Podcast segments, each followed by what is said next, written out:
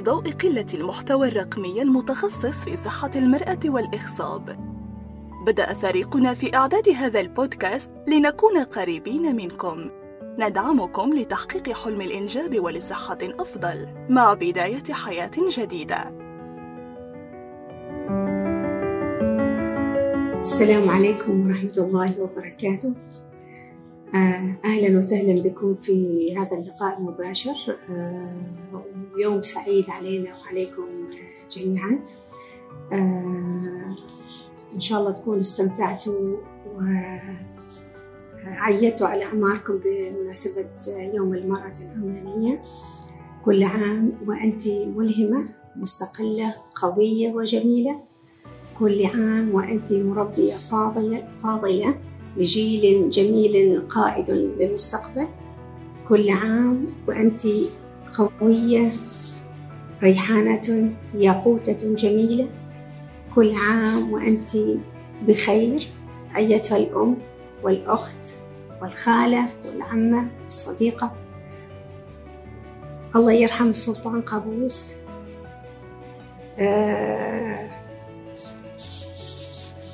نسأل الله له روحا وريحانا وجنة نعيم إن شاء الله تعالى. فلولاه ما كنا اليوم هنا الحمد لله. كل عام والسيدة الجليلة بخير. وشكرا جزيلا على التهنئة اللطيفة الجميلة. آه هذا من طيبك وعظيم أصلك. كل عام وأنت بخير إن شاء الله تعالى. وكل عام وأنت أيتها مريضتنا أو مريضة أي عيادة إن شاء الله تعالى بخير وسعادة وفرح وإيجابية. فأنت أم قريب للمستقبل إن شاء الله تعالى. آه نبدأ يومنا الجميل هذه في أسئلة خفيفة كذا شوية أنا توقعت اليوم ما يكون في أسئلة ولكن سبحان الله يعني في أسئلة كثيرة. نحاول نجاوب عليهم إن شاء الله تعالى. بالنسبة للمجموعة الداعمة الإدارة تتواصل معاكم وطبعا هو الجروب راح يكون واتساب فقط وما يكون في أسئلة للمراجعات والعيادات والعلاج النساء اللي يتعالجن يكون عندهم رقم ممرضة الأخصاب التواصل يكون عن طريقها هذا أتمنى يكون واضح.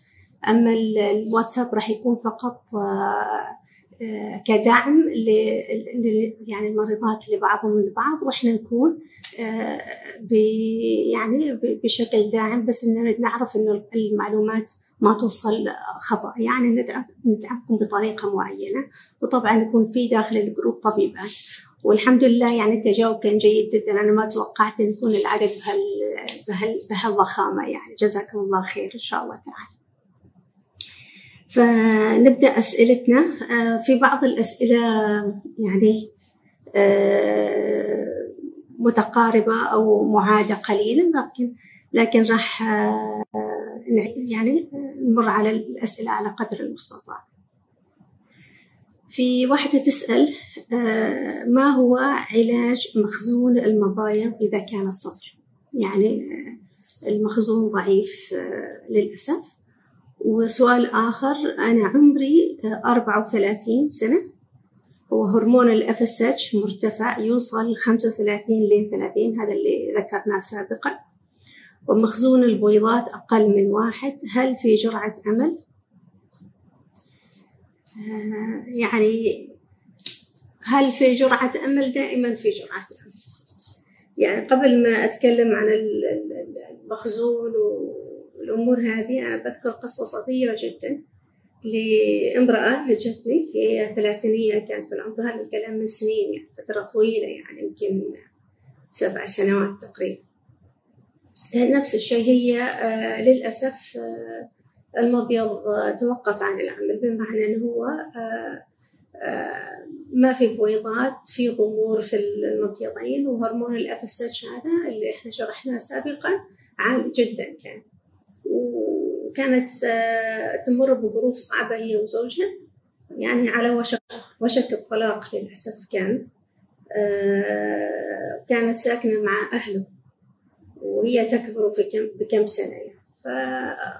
فتكلمنا يعني أخذنا وقت كثير كثير يعني في الكلام وقلت لها ما نقدر نعمل حاجة بس يعني آه، يعني كان في بعض الأسئلة تناولناها وناقشناها وكذا المهم آه، بعد شهرين تتصل العيادة أريد أكلم الدكتورة شريفة وكذا كذا أنا فلانة فقلت لها أهلا فلانة كيف حالك؟ تقول لي تذكرتيني دكتورة؟ قلت لها أيوة أتذكر تقول لي أنا حامل طبعا فرحت وفرحت أنها اتصلت عشان تقولي هذا الكلام وقلت لها قمت قيام ليل قالت لي أكثر. قالت لي أكثر أكثر عن, عن كذا. قالت لي أنا كان عندي بعض القصور فأديت اللوازم وزدت في السنن وقمت قيام الليل فعلا. يعني والحمد لله رب العالمين الله أكرمه وحمد فلما نقول في أمل ما دام ربنا موجود يخلق من عدم فربنا هو يخلق مش البشر ولا العلاجات. هذا هذا ضروري. زين. آه من يخلق من عدم مثل ما إحنا خلقنا من عدم. البويضة تقريبا عدم يعني. صح ولا لا؟ لو نفكر فيها شوي. آه، ربنا سبحانه وتعالى إذا أراد شيئا يقول له كن فيكون من حيث لا ندري. فدائما الواحد يكون في يعني عنده أمل بس ما يضحك على عمره بعلاجات لا تسمن ولا تغني من جوع. أوكي؟ هذا الشيء وهذا الشيء. في بعض النساء يقولن يعني أنا راضية دكتورة حاولي معاي مش عارفة إيش أنت مش للمحاولة إحنا نطبق علم معروف. فإذا في ضمور شديد وهرمون ال FSH عالي جدا أحيانا كثيرة ما نقدر نعمل أي شيء. الحين في بعض البحوثات البسيطة اللي تطلع اللي هي إحنا تكلمنا عنها حقن البلازما ال PRP تكلمنا عنها أنه ممكن تحقن في المبيضين. تمام؟ آه، بس ما نعرف كم جرعة وهل بتفيد كل النساء ولا لا. طبعا كل ما كانت المرأة صغيرة ممكن تستفاد أكثر. أما المرأة اللي مثلا هرمونها أفسج وهي أربعينية أو جنب الأربعين ما أعتقد ما أعتقد إنه بيأثر. ولا بيفيد بحاجة. لكن هل هو جائز؟ ممكن. بس مثل ما قلت رب العالمين قادر على كل شيء إن شاء الله تعالى. تمام؟ وشخص آخر يسأل لدي ضعف في الحيوانات المنوية وما, وما سأل أكثر من كذا فغالبا هو متأثر من الموضوع هذا. عادة النساء يتحملن هذا الموضوع أكثر من الرجل. يعني طبيعة المرأة غير طبيعة الرجل غير. ف ما دام عندك حيوانات منوية أيوة في أمل. صح ولا لا؟ إحنا قلنا اللي ما يجيب أولاد اللي ما عنده حيوانات. أنت عندك حيوانات. في ضعف هل هو في العدد؟ هل في الحركة؟ هل في الشكل؟ على حسب الحالة يتم العلاج. طيب تمام؟ أه وأذكر معلش أنا أحكي قصص كثيرة. أذكر امرأة جتني عندها ثلاث أولاد. يعني أنجبت الأول والثاني والثالث وبعدين جت تأخر الحمل. فجت آه، يعني تشوف ليش ليش تأخرت. المهم آه، فحص الرجل بالعدد ثلاث حيوانات فقط. فعدنا فعلا ثلاث حيوانات فقط وجابت لي تقارير من عيادات أخرى نفس الشيء. فطبعا بكت والرجل متأثر وكذا. قلت لهم آه، أنتم تكونوا المفروض العكس. يعني هذا الثلاث حيوانات ما ظهر الآن. هذا الرجل عنده من, من الأساس. يعني يمكن العدد كان مختلف حاجة بسيطة بس عنده ضعف. عنده ضعف. وهم ثلاث حيوانات والله رزقهم بثلاث أولاد. صح ولا لا؟ فهم في نعمة كبيرة ما كانوا يعرفوها من الأساس. يعني ما يعرفوا المشكلة من الأساس هي هذه المشكلة ما تطلع من يوم وليلة. عادة طبيعة الرجل تكون هكذا إلا إذا صار حادث عمليات معينة تأثر لكن هو ما كان عنده من هذه الأشياء بشكل عام. فهل في عندي حيوانات ولا ما في؟ إذا في على حسب العدد على حسب الحركة على حسب الأشكال. نقول هل تلقيح صناعي اللي هو حقن الحيوانات في رحم المرأة مع تنشيط المبايض أو أطفال الأنابيب على حسب الحالة. بس ما معناته إنه خلاص ما راح ما راح تحمل أو إنه عندك مشكلة أو هذا يمس كيانك أو رجولتك أو حاجة هذه طبيعة بشرية تصيب المرأة وتصيب الرجل كذلك. تمام؟ وما دام في علاج الحمد لله والشكر لله. إذا عندي أعداد بسيطة بس حركتهم زينة وأشكالهم زينة ممتاز. إن شاء الله تعالى الله يرزقك يا رب العالمين. فنحتاج نفحص ونعرف إيش الوضع الحالي على أساسه يكون في العلاج بإذنه تعالى تمام هل التكيسات أتوقع تكيسات المبيض تقصد الأخت هل التكيسات ترجع مرة مع مرور الأيام؟ إذا كانت تكيسات المبيض اللي إحنا نسميه بي سي أو التكيسات هذه الطبيعة طبيعة المبيض هكذا. يعني المرأة هذه مولودة هكذا مخزون البويضات عندها كثير جدا واللي نسميه تكيسات. إذا تقصد تكيسات دموية اللي هي البطانة المهاجرة أيوة ممكن التكيسات هذه ترجع. مثلا إذا أزيلت بعملية معينة ممكن ترجع. له إحنا قلنا مرض البطانة المهاجرة إيش؟ مرض مزمن. الأكياس تروح تتشال بعملية ترجع العلاج الأمثل اللي هو إيش؟ الحمل بإذنه تعالى. الحمل هو أفضل علاج. زين؟ آه شيء آخر إذا كان فيها آلام ولا شيء قلنا حبوب البيزان على حسب الحالة إيش تريد بالضبط؟ هل تريد حمل؟ هل تريد حياة طبيعية؟ هل تريد تعالج الآلام؟ على حسب ما إيش إيش المطلوب منا نسوي لها يعني تمام؟ الأكياس الثانية هي الأكياس الفيزيولوجية. وهذه موجودة طبعا بكثرة ومش مرض فيزيولوجي يعني طبيعة يعني آه يعني من من عمل المبيض. المبيض كل. عضو عضو شغال تمام؟ كل شهر إيش يعمل لي؟ مجموعة من الحويصلة تكبر. حويصلة واحدة تكبر توصل للحجم المطلوب. يصير في تبويض تمام؟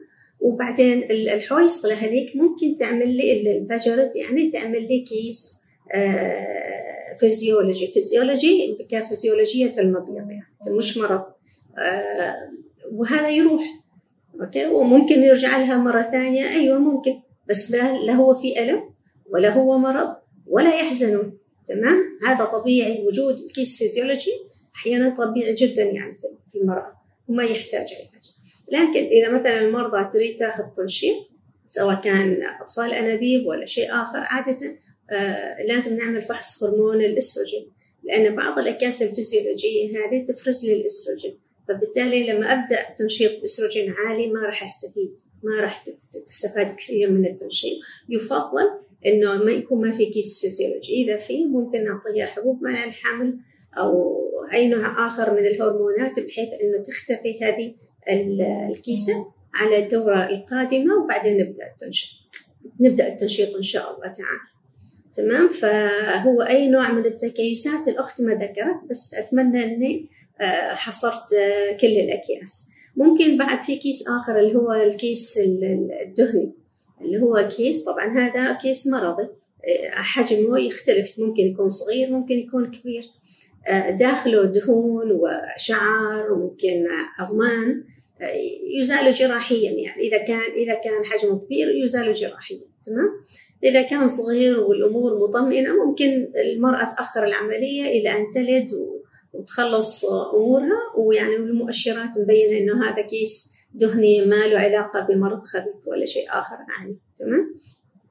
ففي بعض النساء أيوة الكيس الدهني ممكن يرجع يرجع نفس المبيض أو المبيض آخر أو لا يرجع مطلقا. ففي في اختلافات يعني. بس هو ما مرض مزمن ما يحتاج علاج بعد العملية. عملية وخلصنا. ما في ما في علاج آخر. ما مثل الأكياس الأخرى يعني. والتكيسات طبعا ما تحتاج جراحة. هذا شيء مهم. أوكي؟ التكيسات هذه عبارة عن حويصلات داخلها بويضات. ما تحتاج إلى جراحة.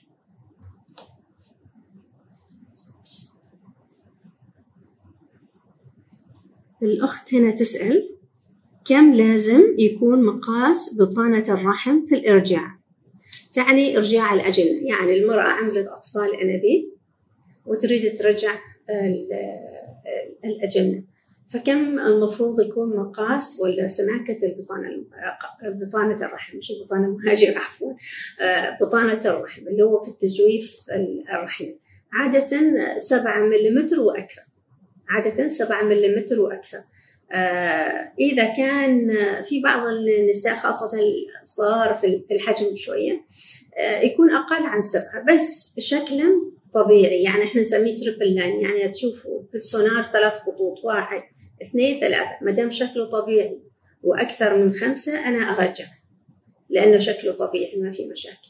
لكن إذا كان آه، في عدم وضوح للخطوط هذه أو في مؤشرات مبينة أنه ممكن المرأة هذه عندها التصاقات في بطانة الرحم آه، نفضل نجمد الأجنة نعمل منظار آه، رحمي وبعدين نشوف شو وضع البطانة البطان التجويف الرحمي. إذا الأمور طيبة نرجع لها. طبعا نعطيها هرمون الأستروجين على أساس أن البطانة توصل لسماكة معينة. إحنا عادة نقول سبعة وأكثر. لكن إذا فوق الخمسة أوكي؟ وطبيعية وشكلا طبيعي وأنا عارفة أن ما راح التجويف الرحم السليم آه نرجع ممكن نعطيها هي جرعات أكثر من من من غيرها شوي عشان البطانة تكون أسمك. تمام؟ والشيء في سؤال آخر نفس يعني يسألوا عن نفس الموضوع. عندي مشكلة في بطانة الرحم رقيقة يعني ضعيفة السماك ما فيها سماكة يعني. كل فحوصاتي زينة. عدد الأجنة تسعة. قالوا أنتظر شهرين. هي شكلها عاملة أطفال أنابيب؟ والبطانة ضعيفة جدا. ممكن يعني لا هي فيها التربل لاين وضعيفة جدا يعني بالكاد ترى. ففي الحالات هذه إيش اللي يصير؟ إنه آه، تجمد الأجنة. وممكن المرأة نعملها منظار رحم مثل ما ذكرنا سابقا. نشوف هل في مشاكل في التجويف الرحمي ولا لا في البطانة في مشاكل ولا لا في التصاقات في أي حاجة. أكثر الفئات اللي عندهم مشاكل يكون في التصاقات أو التهابات سابقة في بطانة الرحم. وناخذ عينة من بطانة الرحم نفحصها في المختبر نتأكد هل في مشاكل معينة ولا لا. إذا ما في مشاكل نفس الشيء إحنا تكلمنا عن البلازما. إذا المرأة مثلا أعطيناها إستروجين قبل ما نرجع الأجنة والبطانة ما تسمك تمام؟ والتجويف الرحمي ما في حاجة إيش نسوي؟ آه البلازما هو ال PRP اللي إحنا تكلمنا عنه اللي نحقنه في المبيض آه نحقنه داخل بطانة الرحم تمام؟ فالمرأة آه ترجع الحين عندي أجنة مجمدة عادة نعطيها آه حبوب الإستروجين ماشي؟ على أساس أن البطانة تكون زينة. إذا شفنا البطانة ما وصلت للسماكة المطلوبة. إيش اللي نسوي؟ نحقن آه، البلازما. بمعنى إن إحنا ناخذ دم المرأة هذه عينة من دمها يعالج في المختبر نستخرج البلازما وبعدين نحقنه داخل آه، بطانة الرحم طبعا نفس الشيء لا في حقنة ولا في حاجة مجرد أنبوب نرجع فيه البلازما إلى بطانة التجويف إلى التجويف الرحمي. ومن بعد كذا بكم من يوم ثلاث أربعة أيام نشوف هل في زيادة في السماكة ولا لا؟ هل تجاوبت؟ هل البلازما هذا ساعدها ولا لا؟ ممكن حتى نضيف جرعة أخرى مستقبلا نفس الشيء ما شرط أنه بجرعة واحدة. إلى أن نشوف الوضع ملائم لإرجاع الأجنة وبعدين نرجع هي طبعا تحتاج تأخذ تحاميل بروجسترون وبعدين نرجع الأجنة إن شاء الله تعالى. Alright. فأتمنى أني جاوبتكم في بخصوص آه، آه، سماكة بطانة الرحم هذه عندنا وقت كثير؟ تمام. هل الحقن المجهري هو أطفال الأنابيب؟ آه، بشكل أيوه. لأنه ما ممكن نعمل حقن مجهري للبويضة بالحيوان إلا إذا سحبنا البويضات كيف نسحبها؟ نحن نعمل أطفال أنابيب لكن ما كل أطفال الأنابيب لازم حقن مجهري أوكي فمعنى أنا عندي جروبين. آه، عندي امرأة صغيرة عندها مخزون بويضات جميل. الحيوانات آه، عندي عددها جميل جدا. الحركة ممتازة. وعندها مثلا عندها مشكلة في الأنابيب. فلنفترض. تمام؟ هذه المرأة إيش نعمل؟ ممكن نعملها؟ نعمل إيش؟ إن إحنا ننشط المبايض تمام؟ تتكون عندي البويضات. زين وفي أخت سألتني كم آه، ولا هذاك بنجاوبه لما نجي على ذاك السؤال. آه ف آه تكونت البويضات كبروا الحويصلات سحبنا سحبنا البويضات. عندي بويضات كثيرة الحمد لله وعندي حيوانات جيدة. اللي أسويه في المعمل ما أحقن كل بويضة بحيوان منه. تمام؟ فأخلي أخلي الحيوانات طبعا الحيوانات تعامل بطريقة معينة آه بحيث إنه نقلل من تركيز الحيوانات هذه. ونضع الحيوانات مع البويضات مع بعض وننتظر إنه يكون في تلقيح طبيعي. تمام؟ بمعنى ما عملت حقن للحيوان داخل البويضة هذا أطفال أنابيب. أوكي؟ في فئة ثانية أن نعمل نفس الأشياء. ونسحب البويضات بس المرأة ما عندها بويضات كثيرة عندي أربعة خمس بويضات. فما أعمل ما أحط اللي هو اللي هو نسميه conventional اي في اف اللي هو مجرد إن أنا أحط الحيوانات والبويضات الخمس هذيلا وأنتظر ثاني يوم لأن مش كل بويضة راح تتلقح فبالتالي أنا إذا ما عملت حقن مجهري بعدين إن يعني الحالة هذه تتطلب حقن مجهري. إذا عندي مشكلة في الحيوانات كذلك نحتاج حقن مجهري ما معناته أن المرأة اللي بويضاتها نعمل لهم حقن مجهري لازم يكون في تلقيح؟ لا بس معظم البويضات تتلقح. تمام؟ والمرأة اللي حطينا الحيوانات مع البويضات معظمهم يصير فيهم تلقيح. تمام؟ بس أنا ما فرزت البويضات ما أعرف كم من العدد اللي عندي مثلا 15 بويضة فلنفترض ما كلهن يكون يعني جيدات للحقن المجهري أنا ما فرزتهم. البويضه عادة إيش نسوي في المعمل؟ نسحب البويضات ونقشر البويضات حوالين البويضه عادة خلايا. لما نقشرهم نعرف إن هذه البويضه ناضجة تستخدم في الحقن المجهري. أو هذه البويضه غير ناضجة غير صالحة. لما أعمل بس إن أنا أحط الحيوانات مع البويضات أنا ما أقشر البويضات فأنا ما أعرف هل البويضات ناضجة ولا لا. بس بشكل عام إذا الأمور كلها جيدة ومواتية طبعا هذه الطريقة زينة وتعطي نتائج أفضل حتى أحيانا تمام؟ بنشوف ثاني يوم عندنا نشوف كم واحدة نعمل تقشير للبويضة هذه ثاني يوم ونشوف هل تلقحت آه كم واحدة تلقحوا واللي ما تلقح نشيله. الحين لما لما نشوف المعطيات والبحوث وكذا كل ما يكون عندي اللي هو ال IVF العادي اللي هو من غير حقن مجهري نتائجه أفضل بمعنى أن الأجنة تكون أفضل. هذا هذه هي المعطيات ونسب الحمل أفضل. هكذا هي المعطيات الطبية. لكن للأسف اللي إحنا نشوفه في الواقع قلة من الناس اللي نقدر نعمل لهم هذه الطريقة. أكثرية الناس يحتاجوا حقن مجهري أكثريتهم أكثريتهم يحتاجوا حقن مجهري مثل ما قلنا قبل أكثر الأسباب في تأخر الحمل مشاكل الحيوانات والخصوبة. يعني عندي نقصان خصوبة عندي بطانة مهاجرة عندي فقلة من الناس اللي بيستفادوا بهذه الطريقة. أو الناس اللي عندهم التكيسات.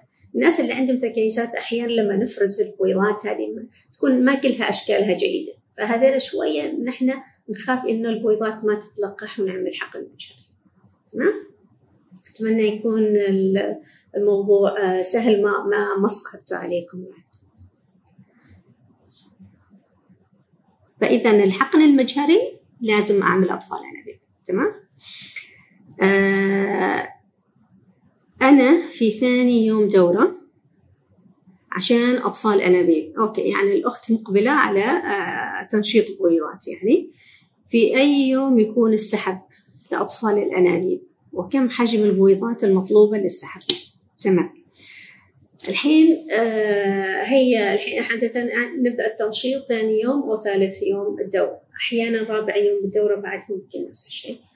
فالتنشيط المبيض عادة ياخذ عشرة أيام 12 يوم.